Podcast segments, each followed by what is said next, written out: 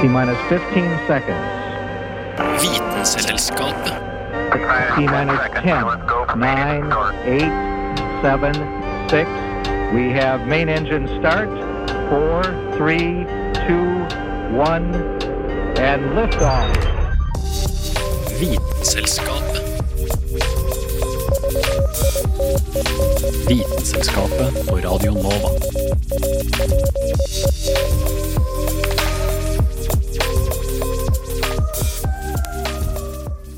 Lonely Planet mener vi skal reise til eh, Sri Lanka, Tyskland, Zimbabwe og Panama i 2019.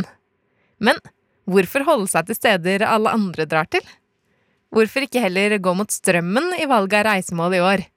Enten ved å dra dit teknologien kan ta oss, eller besøke steder før vi mennesker eller klima ødelegger det. Velkommen til Vitenselskapets guide til 2019s heteste destinasjoner. Å vite vet Vitenselskapet.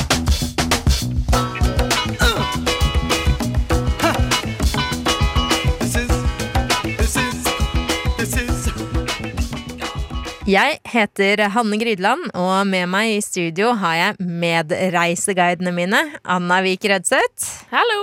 Og Ida Vassbotn. Hei, hei! Første stopp med charterbussen er destinasjoner vi kanskje besøker for siste gang.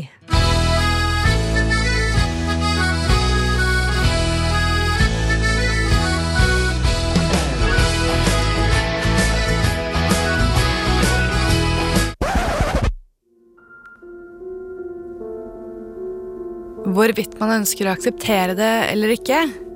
Klimaendringene som følge av vår livsstil og hensynsløse utnyttelse av naturen er allerede i full sving. Været blir stadig mer ekstremt, biomangfoldet minsker, og du kjenner trolig til at både The Great Barrier Reef, Maldivene, Amazonas, Arktis og Antarktis er svært utsatt som følge av endringene. Men disse områdene er langt fra de eneste. Rio de Janeiro, med rolige 6,2 millioner innbyggere, er ifølge klimaeksperter en av de mest truede byene i Sør-Amerika. Estimater viser at dersom temperaturene fortsetter å stige i en slik alarmerende hurtighet, noe som gitt hvordan vi lever i dag ikke ser veldig usannsynlig ut, vil havnivået rundt Rio øke med over 80 cm innen 2000. 80 cm over rundt 80 år? Tja, hva vil det å si, tenker du kanskje? Vel, 80 cm er nok til å oversvømme byens flyplass, de mest populære strendene og til og med en rekke nabolag på Innlandet.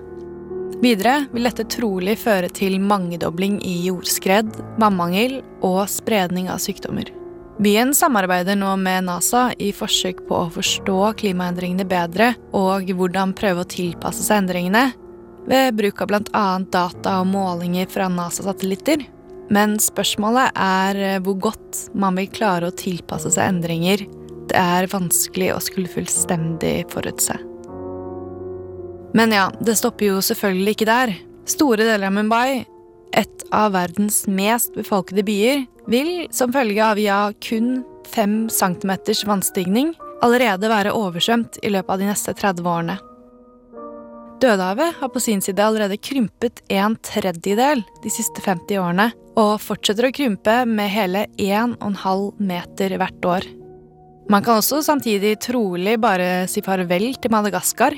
Med den utbredte avskogingen og stadig ekstreme branner antas det at skogene og deres unike økosystem vil være borte i løpet av de neste 35 årene. 35 år. Smak litt på det. Så ja, om du nå tenker 'herregud, jeg må booke meg en pakkereise til Rio, Mumbai eller Madagaskar' med det samme, vil jeg egentlig heller anbefale deg rett og slett ikke gjøre det, og du sparer miljøet for en god del utslipp. Dette høres kanskje svært pessimistisk og nesten dystopisk ut, men dette er bare harde fakta. Slik vi holder på nå, vil nok ikke lista over steder som er og vil bli permanent påvirket av klimaendringene, akkurat minke med det første.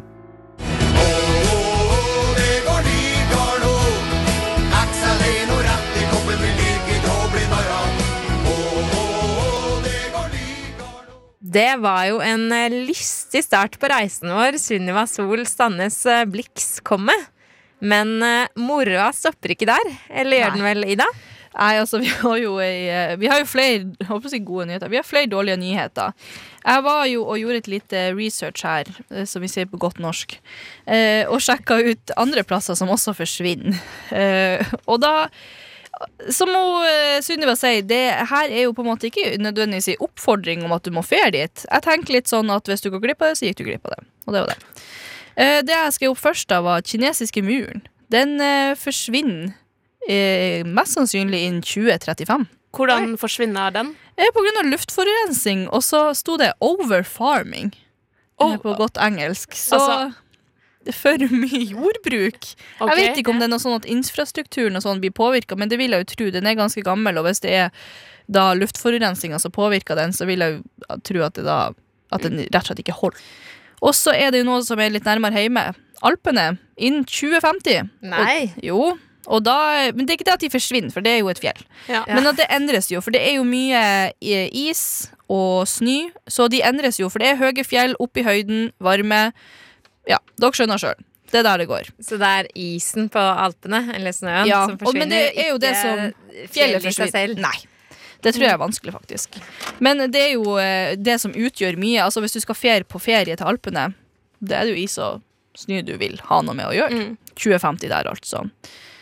Og så har vi Venezia, som jeg vet ikke, kalles jo den synkende byen. Og det her er jo sikkert noen mange som tenker at eh, dette skal vi forvente, og sånn Den synker jo. Men la oss sammenligne her. De har et torg der som heter St. Mark's Square. Det oversvømmes i år 1900 så oversvømmes det opptil fire ganger i året. Altså opptil fire ganger i året. Nå oversvømmes det mer enn 60 ganger i året. Altså mer enn 60 ganger i året. Men de må jo ha noen sånn demningssystemer eller sånn som de kan Jo, men jeg tror ikke det er noe Altså fordi at det, Vannet øker så mye samtidig som byen synker så mye. Så jeg tror det blir rett og slett for mye. Det må bygge en mur rundt, men der igjen, det blir tyngre, og den synker. Mm. Så det blir litt sånn Jeg tror ikke det er noe ordentlig løsning. Så det jeg også har hørt, da, hvis man skal snakke om mennesker som ødelegger Venezia, Ja, at eh, når cruiseskipene kommer inn der, så skaper de så store trykkbølger ja at det måte, vannet graver ut byen måte, fra undersiden. Og så har de jo også hatt en begrensning med å stoppe. eh, men det handler jo litt om at de ikke vil ha så mange turister. Men det hjelper jo ikke at det kommer så mange turister som det gjør til den lille byen. Nei. Så de har jo gjort litt grep for å stoppe der. Men så er det jo da sett at om eh, 50 år så kommer en slik oversvømmelse som man ser da, at som tar hele det her store torget. En sånn oversvømmelse vil skje ved hvert tidevann. What? Så hver gang det er fløden kommer. Så forsvinner markedsplassen. Og det blir seg om 50 år, og innen 2100. Hvordan sier man det? 2100. Ja, 2100. Eh, da er byen vekke. Hvis eh, studiebudsjettet eller CO2-samvittigheten ikke tillater fysiske reiser i eh, 2019, så trenger man imidlertid ikke fortvile. For løsningen finnes, ifølge Julianne Li Fjell.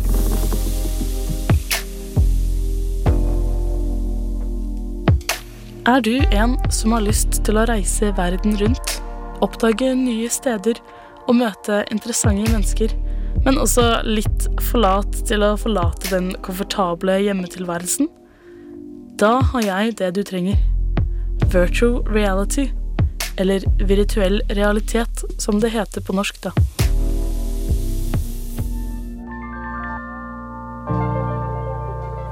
Selv om det har vært mye snakk om VR i mediene i de siste årene, er det langt ifra et nytt konsept.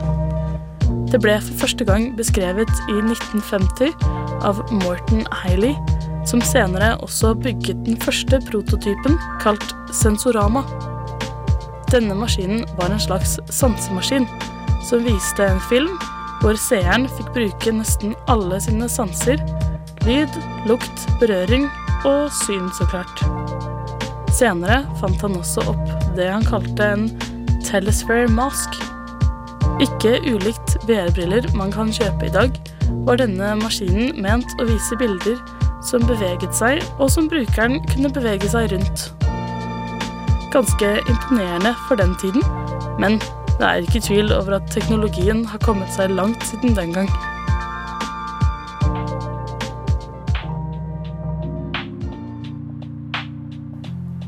I dag kan man bruke VR til en rekke ting. Ofte blir det brukt til simulasjoner for opplæringer i bl.a. kjøring, flyging, medisin og astronauttrening. Men du kan også reise nesten hvor som helst i verden. Flere selskaper, bl.a. Google, har brukt sine allerede eksisterende bilder fra rundt om i verden til å gjøre Google Earth om til Google Earth VR. Her kan du både vandre rundt verdens største attraksjoner og sveve rundt i verdensrommet uten å bekymre deg for oksygenmangel. Om du heller foretrekker å lage din egen fantasiverden, kan du også bruke VR til å tegne og skape fantastiske 3D-kunstverk ved hjelp av to kontrollere man holder i hver sin hånd. Det finnes til og med egne museer dedikert til VR-kunst. Nå som teknologien har blitt så tilgjengelig, har flere og flere spillutviklere slengt seg på VR-bølgen. Og du kan også oppleve noen andres fantasiverden. Fra Los Angeles gater på 40-tallet til Gotham City er det klart det er mange steder å utforske. Så hvor ville du reist hvis du kunne reist hvor som helst?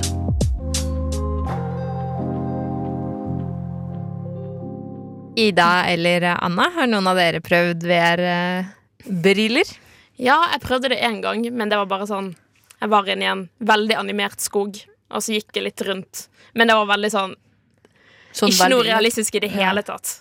Det så veldig uekte ut. Så Ja, ja. ut. Mm. Litt sånn Selda. Ja, Ja. nesten litt sånn. Så jeg fikk liksom ikke noe sånn opplevelse av at jeg var på skogtur eller noe sånt, hvis man kan si det sånn. Den opplevelsen man vil ha av her, Mm. Fær ut i skogen. Ja. Jeg kunne tenkt meg det. Jeg liker skogen, men det er litt tungt å fære dit. Men tror du liksom en ekte reisemål vil komme til å bli erstattet med VR? Jeg tenker jo at det er jo ikke en sånn dum tanke at man kan fære jeg skulle si fram i tid, men det kan man jo ikke. Men fer til plasser som, eh, som forsvinner, eller plasser som har vært. At man klarer å gjenskape det. At man får en slags opplevelse ut av det. Nå reiser jo man for å få litt mer opplevelse enn bare se, men hvis man er skikkelig nysgjerrig, og det er du sier at 'jeg vil se dette', så er jo VR et veldig fint. Ja, Ja. Det brukes jo faktisk for å på en måte konstruere hvordan fortiden var før også. Med at de bruker da historiske data og arkeologiske funn for å lage et mest mulig realistisk bilde av hvordan det var. Sånn at du kan stå på Oslo i Oslo og eh, ha på deg VR-briller, og så ser du hvordan det var for 100 eller kanskje 1000 år siden. da Ja, for, altså, men jeg har litt sånn inntrykk av at VR er jo bare laga for å ha det artig. Altså, det er Mulighetene jeg har hatt med VR, det som jeg har hørt liksom, at folk har brukt det til spill eller porno eller sånne der ting. Men altså, jeg skjønner ikke hva annet man egentlig kan bruke det til. Nei, sånn, Jeg trodde også det bare var for gaming og underholdning og se på filmer, nesten. Men sånn som Julianne også nevnt, Julianne også nevnte i saken sin, så sa hun at det også ble brukt for eh, opplæring og i utdannelse. Sånn som På NTNU så har de f.eks. en VR-lab som brukes under utdannelsen av sykepleie og medisin, der de lager på en måte sånn mm, For å øve seg på reelle eh, situasjoner de kommer opp i i yrket sitt, men da i en der de ikke får de konsekvensene som de kommer til å få i virkeligheten hvis de gjør en feil. da, for Ja, For eksempel. eksempel en, en sånn medic kommer til Jeg Ja. vet ikke om de har det på NTNU, da, men at de kommer til en krisesituasjon, og så skal de løse den. Mm, for eksempel sånn. Og så kan de også bruke VR til, sammen med ultralyd og sånn CAT-scans for å lage veldig nøyaktige 3D-modeller over en, for en kropp som skal opereres, til å lage sånn veldig nøyaktig og realistisk eh, modell ut ifra hvordan de skal operere på denne personen. Jeg kan ikke forestille meg hvor detaljert det faktisk må være. For Nå ser jeg bare for meg en sånn her tegneperson som blir skåret opp, og det tror jeg ikke du lærer så mye ut av. Men du kan vel lage det ganske Ja, ja, du kan jo det nå også. Både med og uten VR, sikkert også. Du har jo enorm teknologi åpen for, eh, for å lage modeller Ja. over nesten alt sammen, nesten. Så det er ja, kanskje ikke så sannsynlig at man bruker VR-teknologi til å Reise?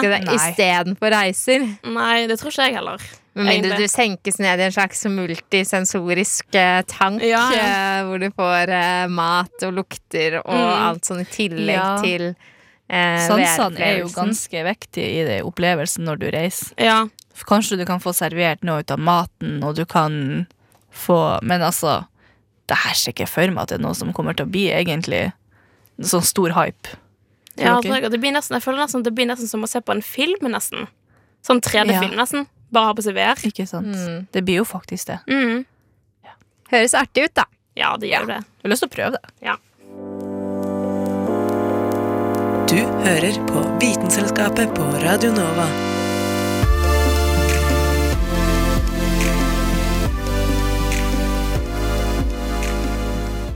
Nå skal vi straks eh, få høre litt om et sted som høres ut som en kandidat for en VR-reise. Nemlig en grotte fylt fra gulv til tak med masse, masse skinnende krystaller. Høres ikke det kult ut? Jo! For dem som har råd til fysiske reiser, er det dessverre minst ett stort problem med å besøke denne grotta, som Kristin Grydland kan fortelle oss om. Nå er vi 300 meter under bakken i den magiske krystallgrotten i Naica, Mexico. Det er helt mørkt. Bare lyset fra lommelykten lyser opp rommet. Men alle steder lysstrålen treffer, gnistrer det. Alle overflater her er nemlig dekka av krystaller. De er hvite som is, ser ut som diamanter, som snøkrystaller, som isberg eller som søyler. Noen bitte små, andre hele tolv meter lange. Krystallene står på kryss og tvers, og for å komme meg innover i grotten må jeg skreve og klatre over dem. Men det er ikke på langt nær det største hinderet for å besøke krystallgrotten. Opp gjennom historien er det nemlig kun noen få forskere som har fått besøke grotten, og årsaken til at dette ikke er blitt den turistattraksjonen det lett kunne blitt, finner vi hvis vi drar 500 000 år tilbake i tid, til da de første krystallene begynte å forme seg her. Naika ligger nemlig på en sprekk over et magmakammer, som gjorde at magmaen varma opp vann langt under bakken. Dette vannet ble metta med sulfider og begynte å trekke oppover i bakken. Men etter hvert møtte det på vann av en annen type, nemlig kaldere, oksygenrikt vann som kom ovenfra. Vann er vann, tenker du kanskje, men disse to vanntypene nekta å blande seg fordi de hadde ulik tetthet. Det som skjedde så, var at oksygenet i det kaldere vannet reagerte med sulfidene i det varme vannet og skapte seg om til sulfater, som ble felt ut som anhydritter. Ja, det høres kanskje litt teknisk ut, men heng med. Fra sulfid til sulfat til anhydritt, og etter hvert som temperaturen sank i grotta, ble anhydritten omgjort til kalsiumsulfatkrystaller, som vokste og vokste i tusenvis av år, til det ble noen av verdens største. Så hvorfor kan vi ikke dra og se på disse utrolige strukturene? Vel, som jeg sa, ligger grotta like over et magmakammer, som gjør at temperaturen i grotta ligger på gode 58 grader celsius. I tillegg er luftfuktigheten opptil 99 Pff, Ikke verre enn en badstue, tenker du kanskje. Men klimaet i grotta er såpass ugjestmild at mennesker ikke klarer å være der inne i mer enn ti minutter uten beskyttelse. Og selv med kjøledrakter kan det være farlig å være der i mer enn en halvtime. Og om ikke det skulle være ille nok. Etter at noen forskerteam hadde vært inne og tatt prøver av krystallene, bestemte gruveselskapet som eier området seg, for å stanse pumpene som holdt vannet ute av grotta. I 2017 ble krystallgrotten derfor igjen oversvømt av masse glovarmt vann. Å komme seg inn i hula nå er med andre ord umulig. Dessverre. Men det er ett lys i enden av gruvetunnelen. Nå ligger jo forholdene godt til rette for at krystallene skal vokse seg enda større og finere. Faktisk er det ikke bare én krystallgrøtte, men flere. De kalles Queen's Eye Cave, Candles Cave, og den som ble oppdaga sist, heter The Ice Palace, med masse små hvite krystaller som ser ut som frostroser, eh, brokkoli eller eh, glitrende hår. Dessverre er disse like vanskelige å komme seg til, da. Hæla i taket med Vitenselskapet.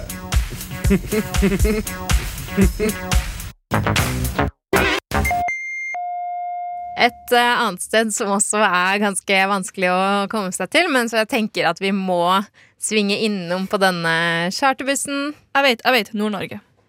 Ja, eh, kanskje ikke så hot for akkurat 2019. Eh, og det er kanskje ikke dette, denne destinasjonen vi skal til nå heller. Eh, men jeg snakker om et sted veldig, veldig, veldig langt borte. Mars! Det Finnmark. Ja. Jeg visste det. Vi mennesker har jo vært på månen. Eh, og månen er ca. 0, ja, 0,3-0,4 millioner eh, kilometer unna. Jeg liker at du starta med null på en Ja, sånn avstand. ja. Det, det, ja. Eh, Mars er 55 millioner kilometer unna. På sitt korteste. Ja. På sitt korteste. Hvor lang tid Mm. tar det? Eh, med dagens teknologi, da, eh, som er på en måte kjemisk raketteknologi, der brennstoff antennes når det kommer i kontakt med oksygen, Mm. eh, så tar det seks til åtte måneder å fly til Mars. Det er ikke en reise jeg vil starte på med det første. Nei. Nei, eh, og en ting er jo at det sikkert er ganske kjedelig eh, å være inne i en sånn romkapsel. Mm -hmm. men utover det så er det jo på en måte seks til åtte måneder. Vi lever jo veldig mye lenger enn det, og romsonder har jo vært der i vår levetid, f.eks. Mm. Eh, men det største problemet med å sende mennesker dit, er jo at når man ikke har tyngdekraft, eller påvirkes for tyngdekraft, så får du jo heller ikke brukt musklene dine. Nei. Så du får veldig stort sånn muskelsvinn og Ja. skjelettbelastning. Mm. Eh, og det er litt problem. Det er jo egentlig ikke et problem hvis du bare skal sveve ut i verdensrommet på romstasjonen f.eks., og så kommer du ned igjen på jorda. For da er det folk der som kan hjelpe deg. Men når du kommer fram til Mars, så er det jo ikke, ingenting der. Så vidt vi vet. Så vidt vi vet. så man må begynne å jobbe fra, fra dag én. Eh, og det er utfordrende med mindre man har romskip med gravitasjonsteknologi, Ja, da, og det er Det er jo ganske komplisert. Er det ikke det at du må, at du må drive og spinne rundt og sånn for å få tyngdekraft? Ja. For det er jo en mulighet. Ja, bare Men, at det er veldig, veldig dyrt og vanskelig å få Ja. til. Ikke sant? Og kanskje det blir veldig tunge romskip også, for du kan jo tenke deg at man Hvorfor ikke bare bruke mer drivstoff og kjøre fortere, for eksempel? Ja. Men da hadde man jo trengt så utrolig store drivstofftanker at de hadde blitt kjempetunge, og så hadde man trengt enda mer drivstoff igjen. Ja. Det er en ond sirkel, egentlig. Det er en, eh, en ond sirkel. Men jeg tenker sånn at når du skal fere til eh, en ny planet og eh, bygge et liv der, da, må du, da er det jo ikke sånn veldig rart at du må bygge opp deg sjøl også når du kommer ned. Det er upraktisk, men det er litt sånn it's, det, det er en del av leken, tenker jeg. At musklene dine har forsvunnet litt, og du er litt sliten. Det er en lang reise, og du må på en måte starte ditt nye liv. Det kan jo hende det er det de som eh, skal til Mars, eller reise med Mars One eh, rom, eh, hva skal jeg si, romraketten, tenker. Eh, for den er jo også bygd på sånn kjemisk forbrenning. Men er det ingen nye teknologiske transportmidler? Eh, det fins Du kan tenke at man bruker eh, hva skal jeg si, kjernekraft. Ja. Eh, og det jobba faktisk amerikanerne med, og var ganske nærme å oppnå. Men når på en måte Ja, da amerikanerne var først til månen, da, så forsvant liksom det politiske insentivet for å finansiere Mm, eh, ja. disse eh, denne utviklingen. Mm. Så Nerva-prosjektet, da, eller Nerva-motoren, eh, som ble bygd på kjernekraft, det ble liksom lagt på is. Ja. Eh, og, så, og ellers så har man jo tenkt på eh, å bruke ioneraketter som baserer seg på at en strøm av ioner driver skipet framover. Det litt kult. Og det har vært vellykka på mindre romsonder, Ah. faktisk. Mm, men uh, Mars-romsonden må jo være såpass stor at det ennå ikke er noe alternativ, da. Nei. Men kanskje. Liker man dyr, Som de fleste gjør? så er nok imidlertid Mars et eh, ganske stusslig sted sammenligna med her på jorda.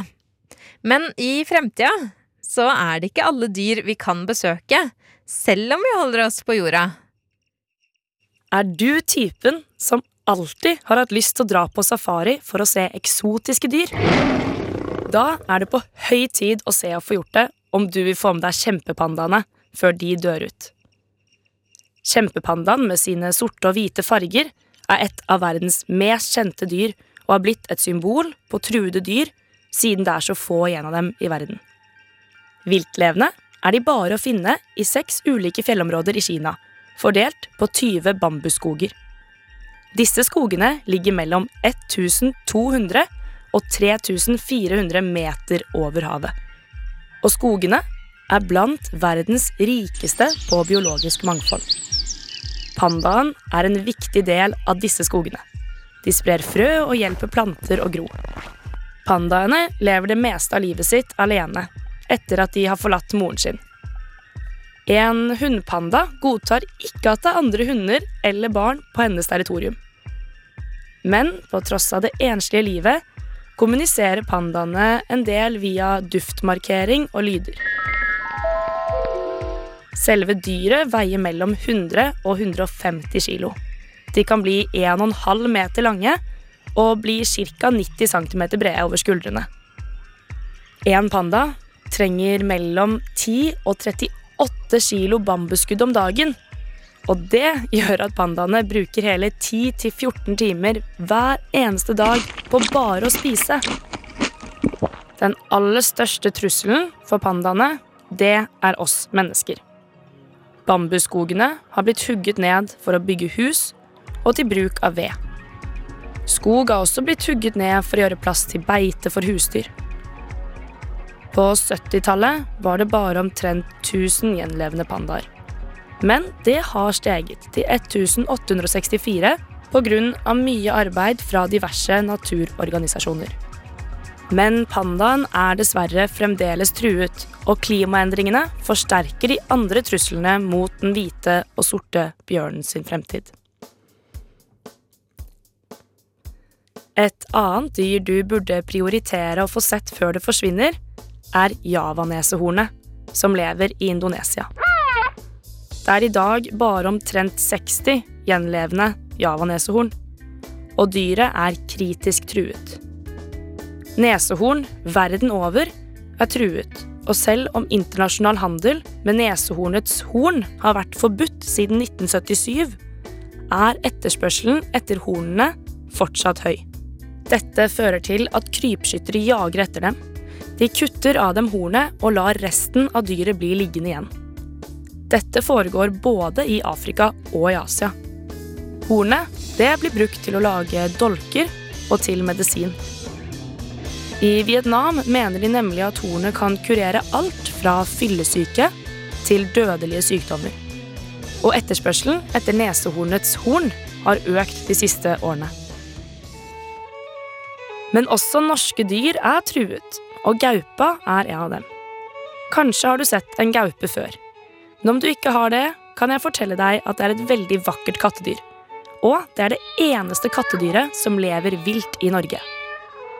Hvorfor gaupa er sterkt truet i Norge, det er fordi Stortinget har bestemt at maksimalt kan leve 65 familiegrupper med gaupe i Norge. Så for å holde bestanden under dette nivået jaktes de på med kvotejakt. Dette resulterer i en liten bestand og gjør at gaupa kategoriseres som sterkt truet dyr i Norge.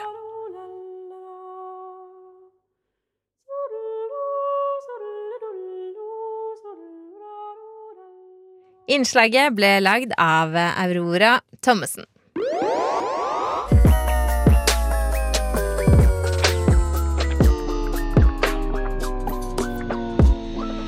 Vitenselskapet.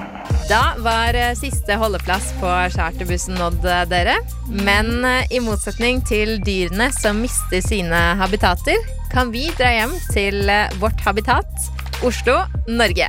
Et reisemagasin som jeg fant på internettet, anbefaler faktisk Norge som et hot reisemål i eh, 2019. Fordi It's like having Valhalla all to yourself. Vi får vel trøste oss med at vi, vi bor i Valhalla. Vi, vi som antageligvis ikke får dratt til verken Krystallgrotte eller Mars i 2019.